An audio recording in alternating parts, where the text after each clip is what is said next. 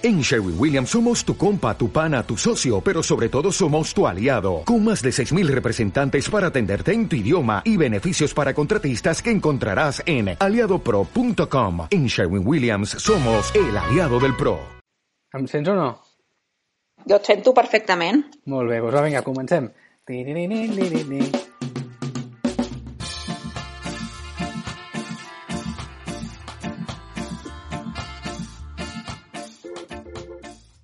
Hola, som la Maria i el Gonzalo i això és Sobre Taula. Sobre taula és un podcast casolà i espontani on intentem respondre preguntes d'amics i oients a través de converses amenes. I aquest episodi és molt especial, sí o no? Sí, és l'episodi número 6 i és el primer que fem a través de l'internet.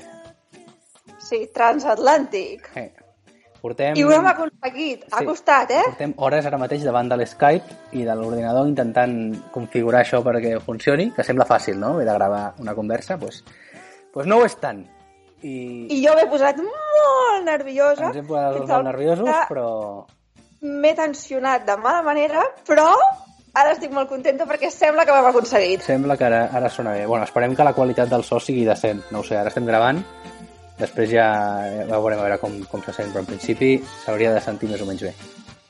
Ja ho veurem. És el màxim que hem pogut fer. Molt bé. Abans de començar amb les preguntes, Maria, et volia Sí. corregir una cosa que vas dir la setmana passada. D'acord. Te'n recordes que parlaven dels llacs de Suècia? Sí, la setmana passada vols dir fa un mes, no? Bueno, sí, però pels nostres oients és la, la, la anterior. Però bueno, sí. Sí, d'acord. em, doncs vas, vas dir que Minnesota se'l coneixia com l'estat dels 100.000 llacs i per això vas, vas endevinar el 80 Sí. i pico mil de, de Suècia. Sí, pues no sé com d'allò ho vaig mirar i Minnesota no és l'estat dels 100.000 llacs, és l'estat dels 10.000 llacs. o sigui que em vaig posar un zero de més per la cara, no? Et vas posar un zero de més i vas tenir la podra de que et va funcionar i et va anar bé, perquè Minnesota té 10.000 10.000 llacs, no 100.000. Però, però Suècia sí. Et va anar perfecte, però bueno. Bueno, perfecte. Doncs ja que corregeixes, Mm. també aprofito per fer un altre incís. Uh -huh. I és que crec que va ser, no sé si el primer o el segon episodi, que vam parlar del color rosa i com s'havia definit que era d'homes o dones, te'n recordes? Sí. I el que vam dir era, bé, informació que havíem trobat, sobretot als Estats Units. sí, és el que vam trobar a la web.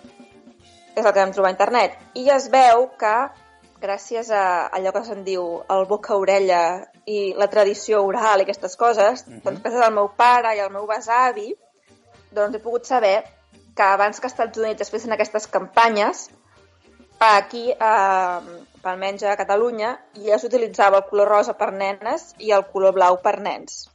I d'on ve no t'ho sé dir perquè no ho vam saber trobar nosaltres. Això, el teu besavi, Però- o sigui, fa 100 anys o així, no? Exacte. O sigui, el meu besavi, de fet, explicava que ell estava traumatitzat perquè es pensaven que quan havia de néixer seria una nena i, per tant, tota la roba que tenia de petit era de color rosa. Clar, en aquella època no havia ecografies i no et podien dir el, el gènere del, del nen. I aleshores ja fa temps que aquí el rosa era de nenes i el blau era de nens. Mm. Després va ser quan amb la Segona Guerra Mundial és el que vam trobar dels Estats Units. Pues però potser estem parlant Estats. Units ho va robar de Catalunya, això del rosa. A veure, jo això de Catalunya ho he dit perquè era el meu besavi, Potser ho però és que del fos teu a Espanya besavi. i també a Europa, o sigui que no comencis a picar-me, d'acord? Vale, vale, vale, vale. Ho deixem aquí, això. Ja ho continuarem un altre dia. D'acord. He fet també una mica més d'investigació en aquell poble de Gales, te'n recordes? El... Nyam, por, por, por, por, por, por, por, por, por, el, el, el poble... Eh, aquell que tenia el nom llarguíssim. Sí, pues, pues em va escriure també un dels nostres oients i Sí. em va explicar una cosa que bueno, que m'ha fet perdre una mica de no sé, d'admiració per, per aquest poble. I resulta sí. que el nom original del poble eh, tenia només, entre cometes, 20 lletres. Era Llanfarplgilgil, alguna així, més o menys. Ah, I el 1860, o sigui, segle Sí. XIX, quan es va començar a, a fer la xarxa de ferrocarrils d'Anglaterra, mm? el poble aquest va decidir una manera per, per captar turistes que vinguéssim al ferrocarril, perquè el ferrocarril passava pel seu poble i volia que la gent vingués al seu poble a visitar-lo i tal. I se'ls hi va acudir la idea, de fet se li va acudir a un dels... O sigui, van fer com una reunió allà al poble, a la, a la plaça del poble, i van Sí. decidir allargar el nom del poble per fer el poble més llarg de d'Anglaterra, tenia el cartell més llarg i la, que la gent anés allà a fer la foto d'aquell cartell que vam posar l'altre dia a Twitter. Ostres, ostres, I de fet hi ha històries que diuen que és el sabater del poble que es va aixecar i va dir ei, uh, i si fotem el nom aquí super? Ei, eh! Jo m'ho imagino allà, eh? No sé quanto està. I, I tant que sí. I està, està considerat un dels, dels plans de màrqueting turístic més antics de la història. O sigui, dels, dels primers. Ostres, graciós. I, I de fet, tan heavy que del 2018 encara s'estan fet podcasts i s'està parlant d'això. Sí, sí, n'estem parlant, n'estem parlant. Està, està trending topic, trending topic. Eh, M'encanta, eh, això de que ens corregeixin i que puguem aquí anar ampliant la informació. Clar, clar, clar, això, òbviament, ho hem dit el primer dia. Nosaltres no som experts i si la gent té altres idees o correccions, benvinguda sigui. Nosaltres, òbviament, corregirem el que, el que calgui. No, no, fantàstic. Moltes gràcies per totes les aportacions dels nostres oients. Sep, moltíssimes gràcies a tots. I Molt bé, molt bé. tens alguna cosa més per explicar-me, Maria? O passem a les preguntes? Uh, podem passar a les preguntes? Molt perquè bé. és que si començo a explicar coses potser m'enrotllaria molt, saps? sí, no, El que té anar-se'n a un altre país i començar a intentar fer una vida. O Això sigui, dona que, per un altre podcast. Podries fer un tour d'experiències amb els yanquis. Donaria, donaria per molt, així que potser millor que ens centrem en les preguntes de moment. Molt bé, començo jo, va. Vinga.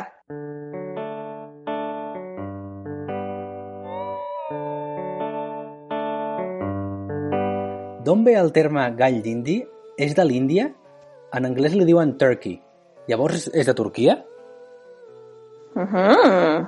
I aquesta pregunta és d'aquelles coses que em semblava fàcil, oi? Mirar d'on ve gall d'indi, o típic que un gall d'indi podia venir d'un lloc i de l'altre, i que no, no hauria de ser tan complexa, no? Doncs pues, he, he anat allò, escarbant, estirant del fil, estirant del fil, estirant del fil, i resulta que aquesta pregunta té moltíssima història i, i s'entén part de la història de la humanitat per, per l'animal del gall d'indi. Mare de Déu, tu. Saps d'on ve el gall d'indi? O sigui, l'animal en si, el primer lloc on es va trobar el gall d'indi, va ser als, als Estats Units, Amèrica, Uh -huh. on li diuen Turkey, li diuen Turquia. Sí. Llavors, com va la història? Tot va començar al segle XV, a Constantinople, el que és avui Istanbul. I allà es comerciaven unes, unes aus que venien de Guinea, de l'Àfrica Occidental. I llavors Uh -huh. els anglesos van arribar allà i li diuen Turkey cock, o sigui, un gall de Turquia. I, i, es, Sí. i es va mm, escurçar a Turkey. Llavors, els anglesos, després d'això, uns, uns, uns 100 anys o 200 anys després, van arribar a la costa est americana, el que avui és Boston, Nova York i tot allò. I llavors sí. es van trobar uns, uns, uns galls que eren semblants, els, els que ells deien Turkey, Uh -huh. i els hi van dir Turkey. Perquè, perquè es pensaven que eren els que havien... Però és una espècie diferent a la que tenien els turcs. Llavors, el, els turcs, òbviament, saben que el gall no és turc, perquè, Sí. perquè el, el, el, el, ells el, van tro- el van trobar i el van portar a Turquia. Llavors, ells li deien gall d'indi, perquè encara que el van trobar a l'Àfrica, ells es pensaven que venia de la Índia. Llavors, alguns idiomes, com el català o el francès, diem gall d'indi, perquè els turcs es pensaven que venia de la Índia. Però els turcs no són els que ho comerciaven amb els de Guinea. Sí, però es pensaven que originàriament, o sigui, els de Guinea els hi devien dir que originàriament era de la Índia. No sé per què. O sigui, és tot un, Ai, com un, quin lío! com un lío així. Espera, espera, espera, que hem de començar, això segueix. Llavors, els holandesos li diuen Calcoen, ¿vale? Sí. que és una contracció de Calcut Hoen, que vol dir gall de Calcuta. O sigui, també com, com gall d'indi. I llavors, com que també es deia Índia a Amèrica, saps? Sí. Anar a les Índies, llavors sí. clar, Dies. Ja no se sap si el gall d'indi ve dels turcs de la Índia i dels anglesos que anaven a Turquia, Sí, sí. o per l'altra banda del món que anaven a Amèrica, que també li deien les Índies. Carai, tu, ostres. I espera, espera, que llavors vas a l'origen de tot, que és a la Índia. I Sí. com li diuen a, a la Índia? Li diuen Com... Perú, Li diuen Perú en el... el gall d'indi. Perquè Mare exploradors portuguesos i espanyols van portar els galls, o sigui, els, els turquis americans, els galls d'Índia americans, Sí. a les costes de Calcuta i de, i de la, i de la Índia, Índia, de la Índia de, de l'Àsia. Sí. Llavors els hi va arribar per l'altra banda el gall d'indi que havia passat per Amèrica sent turkey. Ostres, per favor, que no embolic! I ha, ha trobat altres noms en altres p- em, llenguatges, i en les llengües, i a, a, a Malàsia li diuen pollastre holandès. I a Cambòdia Mare. li diuen pollastre francès. O sigui, Ostres. el pollo aquest ha fotut la volta al món tres cops i té noms, bueno, des de Perú a Índia, a Turqui, a, a, a Gallín, no sé, és una, és una barbaritat. De tot arreu. Però l'animal en si, originari, és d'Amèrica. Sí. I el, la variant de Guinea que estava a Turquia, quina variant de gall és? No ho sabem. No, però és una diferent que els anglesos van confondre perquè per ells un gall és un gall i van dir, pues aquest és el mateix. Potser tiu, tipus un paó, vés a saber, no? Sí, això ja, ja ni idea. També hi ha moltes teories, eh? I això no Clar. és una cosa que, que estigui... O sigui, no es pots provar científicament, però ja No, clar. hi ha documents i hi ha històries d'això, de que li comencen a dir turkey aquí, turkey allà, gallin d'aquí, gallin d'allà, Que graciós, aquestes coses. i... i sí, sí. molt bé, molt bé. Jo crec que amb aquesta pregunta ja hem, potser hem passat una mica. Passem a la següent? Bueno, era interessant, molt bé, molt bé. Eh. La següent pregunta. Diu, ¿por qué razón los taxis de Barcelona son negros y amarillos? Ens pregunta el Víctor. Vinga. I aleshores aquí ens remuntem a principis del segle XIX, Uh -huh. en plena expansió industrial, amb uns senyors que es deien el senyor José Riera, que li, li deien el senyor Ros, a Barcelona, Uh -huh. que al 1820 llogava carruatges en unes quadres situades al carrer Calders. Això ho sabem gràcies a fonts de l'Institut Metropolità del Taxi de Barcelona, Molt bé. que hi havia aquest senyor, el José Riera, i també una altra família que es deia Vigorra, que també es dedicaven a, a llogar carruatges, aquests de la plaça del Pi. O sigui que també ens ho coneixem força, això. Sí, tu. I aquí van ser com els inicis de llogar vehicles, com si diguéssim. Mm. Què va passar? Que cap al 1859 eh, es van ja esfondrar les terceres muralles de Barcelona Sí. i va començar ja el, el pla de l'Eixample de Cerdà. Uh -huh. I es va veure que es començaven a necessitar regulacions pel, pel trànsit. Clar, tot el tema dels carruatges, tot això va, va anar augmentant. No? Al començament devien haver-n'hi molt pocs i ningú trobava necessitat de regular res i després doncs, es, de, es devia veure aquesta necessitat. Uh -huh. Total, que finalment el 14 d'octubre del 1864 l'Ajuntament de Barcelona va aprovar un reglament que introduïa per primera vegada el concepte de cotxe de plaça, que vindria a ser el que seria el nostre taxi actual, Uh -huh. i va començar a posar unes normes pels que eren els cotxers, els conductors d'aquell moment. I aleshores va anar com ampliant aquestes normes, aquestes regulacions, fins al punt que l'any 1924 van demanar que cada cotxe tingués un taxímetre per primera vegada i pintessin una línia sota la finestra de cada cotxe que fos de color blanc, de color vermell, groc o blau, segons la tarifa que tingués. Mm. Aleshores, els més barats, els, els cotxes més barats, eren els que tenien la línia blanca sota de la finestra i cobraven 40 cèntims per quilòmetre. Aquesta era la manera que, que funcionaven els taxímetres. Mm. Després teníem la línia vermella amb 50 cèntims, la groga amb 60 i la blava amb 80 cèntims.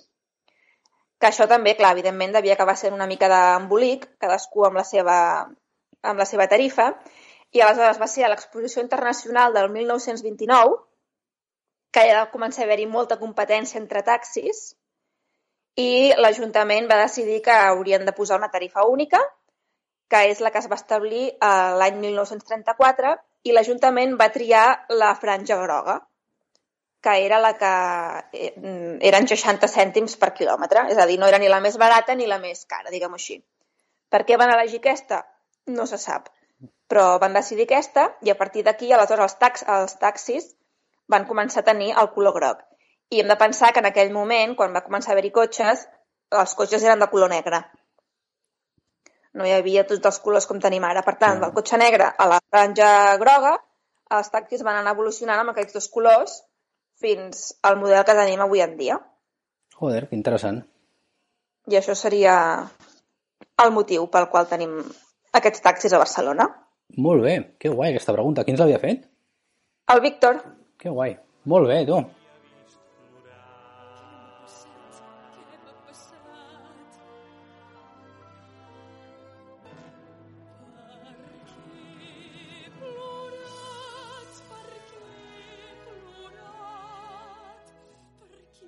Ens pregunta el Xavi, per què ens fa plorar la seva? Hi ha alguna manera d'evitar-ho? Llavors, principalment la ceba ens fa plorar perquè quan la tallem desprèn un component químic que es diu, eh, probablement no, no ho faré bé, però es diu simpropanetial S òxid. I això el que fa és que Mhm. estimula les glàndules lacrimals i ens fa plorar. I um, quina manera hi ha d'evitar-ho? Doncs això, eh, i he mirat per internet i hi ha Sí? un milió de maneres, des de la meva àvia que deia resar no sé quants Ave Maries, fins a... Sí. Eh, Posar-se aigua a la boca, no? També deien. Sí, però la boca. Eh, L'altre dia el Miqui em va dir de... de mm, amb ulleres de... Com es diu això? De, de, de nedar, de, de, De buzo, d'aquestes de... Sí, exacte, que òbviament si no Sí. t'entra el químic, doncs, òbviament tal.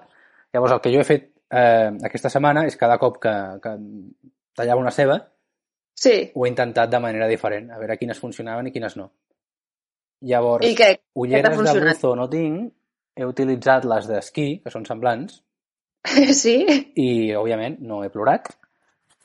Hem, he utilitzat uh, un altre que, que es diu també que sí que funciona és amb un ganivet molt ben afilat he afilat el ganivet molt Uh -huh. i llavors quan talles com que si no està, si no està afilat el que fas és xafar-la una mica llavors desprèn més, més component químic d'aquest si talles net és, és, va millor per, per no plorar el, de la- el de l'aigua a, la, a la boca o sigui tenir la, la boca com diuen a casa meva Plena d'aigua.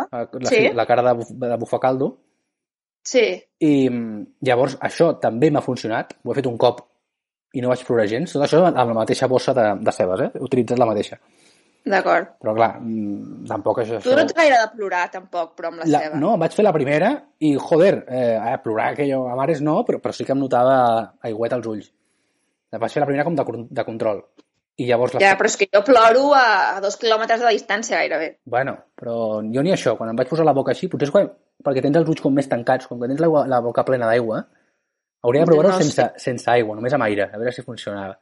I un altre que em van dir també és posar-te aigua als braços, que aquesta no em va funcionar. Aquesta vaig, em va molestar igual que, que em molesta sempre. Que la primera, com si res. Sí.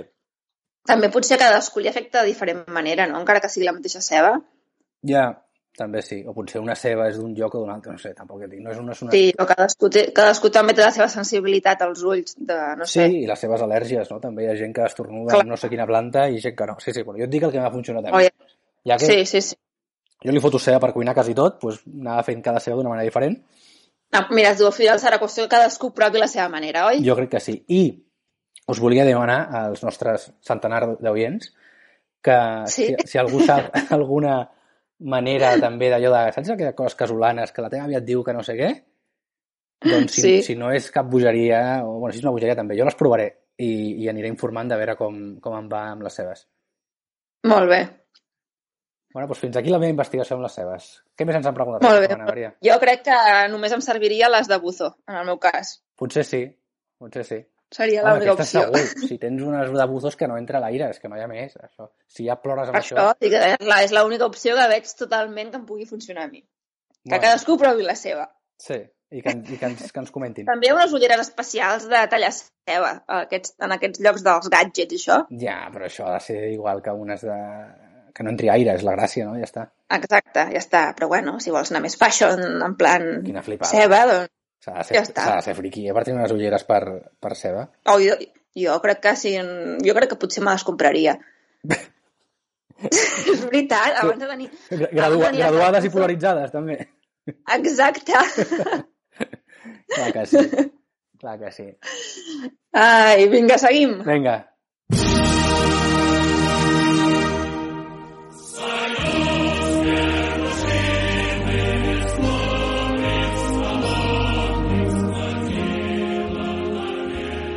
La següent pregunta també ens va de menjar, com la teva primera. Uh -huh. Diu, per què diem ensaladilla russa a l'ensaladilla russa?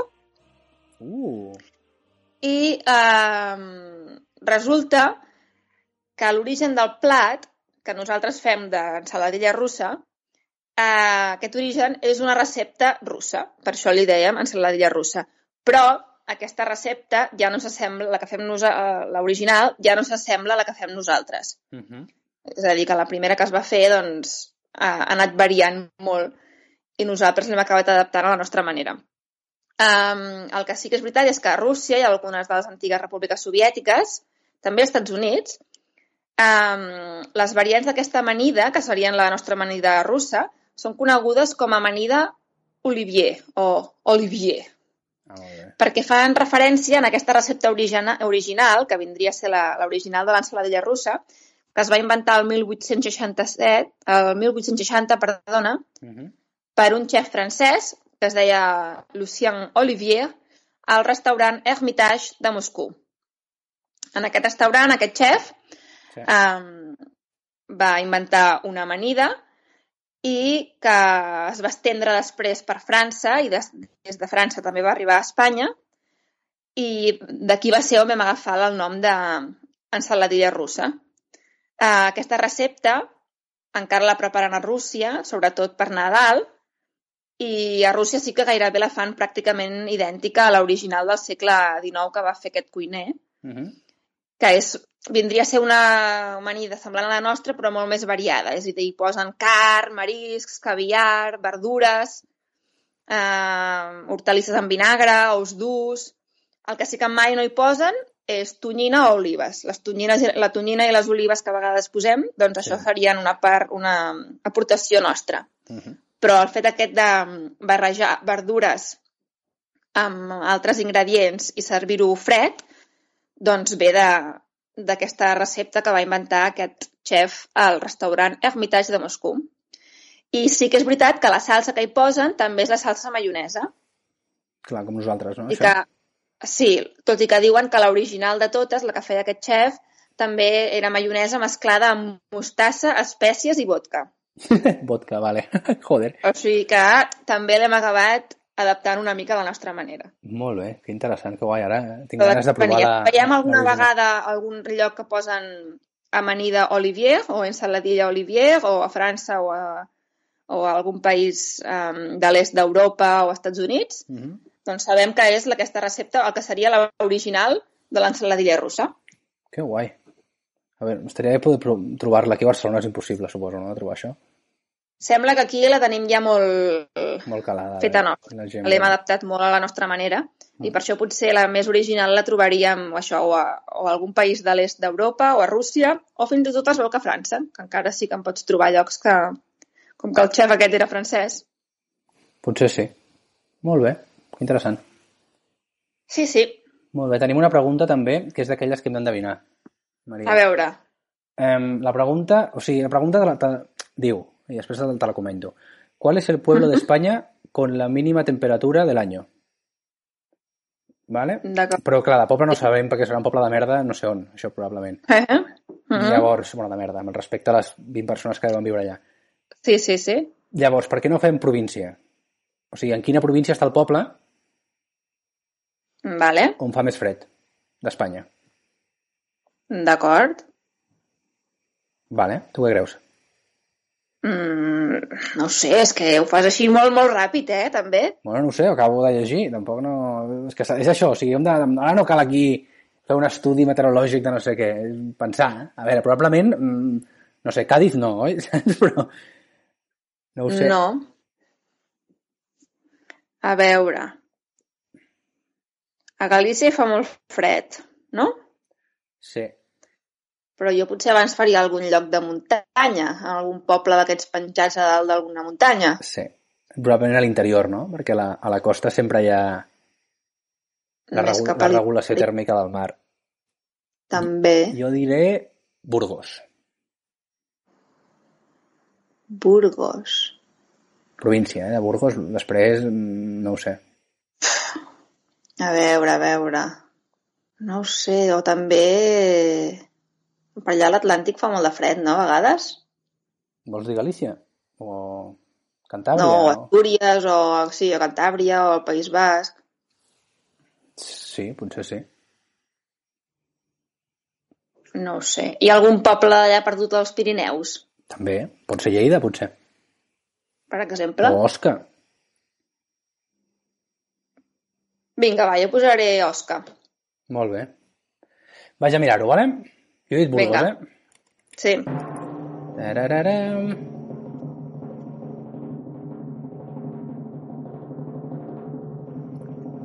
Calamotxa.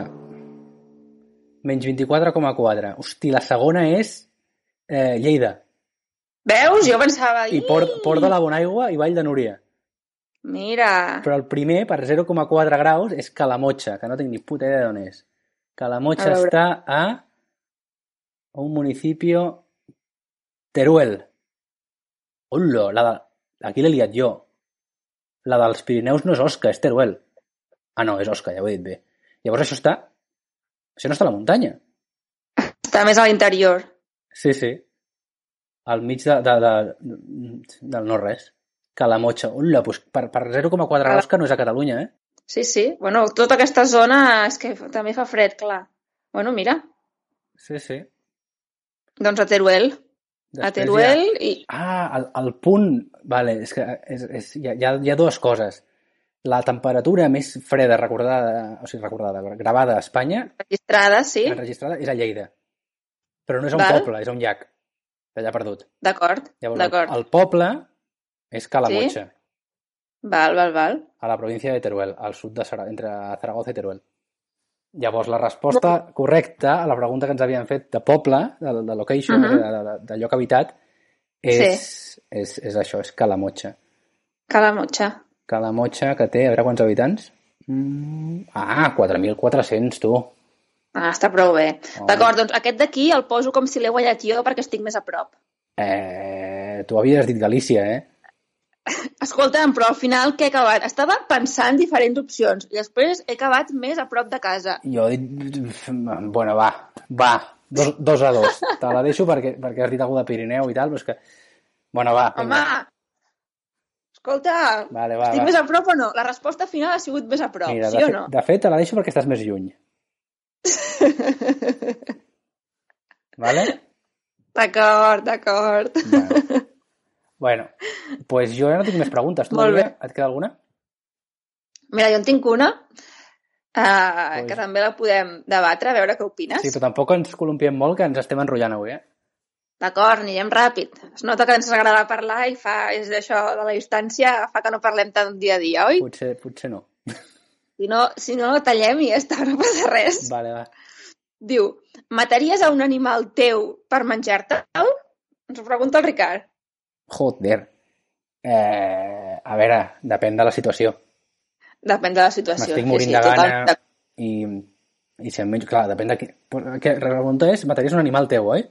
Sí, A veure, si és un porc, una vaca o un conill o un d'allò, òbviament, jo no crec que Cap tingués problema. cap problema per, per menjar-me'ls. uh -huh. Ara, si fos un gos o un gat, seria més complicat, no? clar, hauria de ser en una situació d'extrema emergència, de, de, de, de mort de gana, i de dir, és que o menjo alguna o em moro. Llavors, doncs, doncs, Sí. doncs sí, potser menjo el meu gos. No sé. També és diferent si tens un animal teu, això, en una granja, no? per allà acampant, o si tens un animal allà a casa com, Clar, clar, Això, això, això és com a completament, mascota total, no? completament cultural i hipòcrita per part nostra, perquè un porc és tan animal com un gos. Sí, I, sí. Els porcs els matxaquem no sé quants mil al dia i els gossos els, els cuidem moltíssim. Però, clar, si estableixes una, una relació amb un, amb un gos, de, no? Com, com, no sé si és amistat això, però una relació de, no sé, d'amo i d'animal, no? Ha, Sí. ha de ser xungo de collons. Jo mai he tingut gos i potser hi ha molta gent que no, que no entendrà, no? La gent que té gossos i que de petit, per exemple, ha crescut amb gossos, potser s'està pensant ara mateix que sóc un monstre. Però si va la meva vida i m'estic morint de gana, jo que dius, és que, és que o menjo o em moro, jo crec que sí. El menjaries, sí, no. També és això, vull dir, un conill del camp ens el mengem ràpid i després la gent que té conills a casa eh, ho trobaria horrorós, no? Pensar que es mengen el seu propi conill, en realitat. Ja, clar, clar. Si el tens allà, exacte, tenint aquesta relació. Com el... Però jo crec que seria això una mica també depenent del, de la situació en què et trobes, no? Sí. Això m'ha fet pensar el... Bueno, tu no ho coneixeràs perquè tu no has vist el Simpson en la teva vida, però hi ha un capítol del Simpson que Sí que els he vist, però no em fan gràcia. Què voleu que us Bueno. digui? Sí, ara tothom sap que no em fan gràcia els Simpson. Bueno, bueno no, ningú és perfecte. Hi ha un capítol que segur que tothom coneix menys tu, te l'explico, Maria, que el Homer, Gràcies. no sé com collons acaba tenint una llagosta de, de, de pet, de- de- d'animal de, de companyia. De companyia, sí. I no sé què, no me'n recordo, fa, fa molts anys que però no sé què passa. Ah, sí, li prepara un bany calent perquè, perquè es relaxi i tal, i la fota a l'aigua i la bull. I la vull. Llavors, el, el capítol acaba que ell s'està fotent la llagosta, plorant, perquè, perquè s'ha mort la seva llagosta, Ai, i va dient, favor. mmm, qué buena estás, tenacitas. I llavors li diu al fill, ella lo hubiera querido así, mentre es va fotent, i li va trencant les, saps? I li va trencant les pinces el, i, i tot, i se la va fotent allà amb un, amb un babero allà a saco. Ah, per favor. Doncs sí, seria una mica això. Seria dient per aquesta pregunta. Sí, sí, sí. Bueno, doncs fins aquí les preguntes d'aquesta setmana. Aquí ho tenim. I ara que hem descobert com això, com gravar-ho, doncs que ens segueixin plovent preguntes, no? Sí, més preguntes. Recordem a on ens ho poden enviar? Al Twitter, pot barra baixa sobre taula, o a l'email podcast.sobretaula arroba gmail.com. I recordeu que també tenim el Facebook i Mhm. l'Instagram. Correcte. Podcast sobre taula al Facebook i pot barra baixa sobre taula a l'Instagram. Sí, I també perfecte. hi ha gent que, com que també tenim tants milers i milers d'oients, Maria, hi ha molta gent que m'envia les preguntes al meu WhatsApp personal. No sé si et passa a tu, crec que tu també, no? Sí, també em passa, també em I- passa. De moment ho estem acceptant perquè només tenim milers. Quan tinguem centenars de milers ja no sé si ho acceptarem, ja, eh? jo crec que no haurem de filtrar, hem de filtrar. Podríem, podríem contractar algú que ens faci de question manager. Ah, ah, exactament, Sí, estic sí, d'acord. Sí. Però bueno, de, de moment encara tenim temps, jo crec, com per, per gestionar nosaltres mateixos.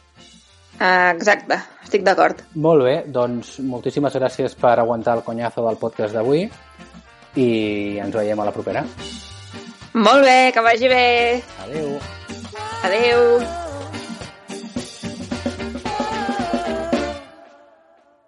Dale más potencia a tu primavera con The Home Depot. Obtén una potencia similar a la de la gasolina para podar, recortar y soplar con el sistema OnePlus de 18 voltios de Ryobi desde solo 89 dólares. Potencia para podar un tercio de un acre con una carga. Potencia para recortar el césped que dura hasta dos horas. Y fuerza de soplado de 110 millas por hora. Todo con una batería intercambiable. Llévate el sistema inalámbrico OnePlus de 18 voltios de Ryobi. Solo en The Home Depot. Haces más. Logras más.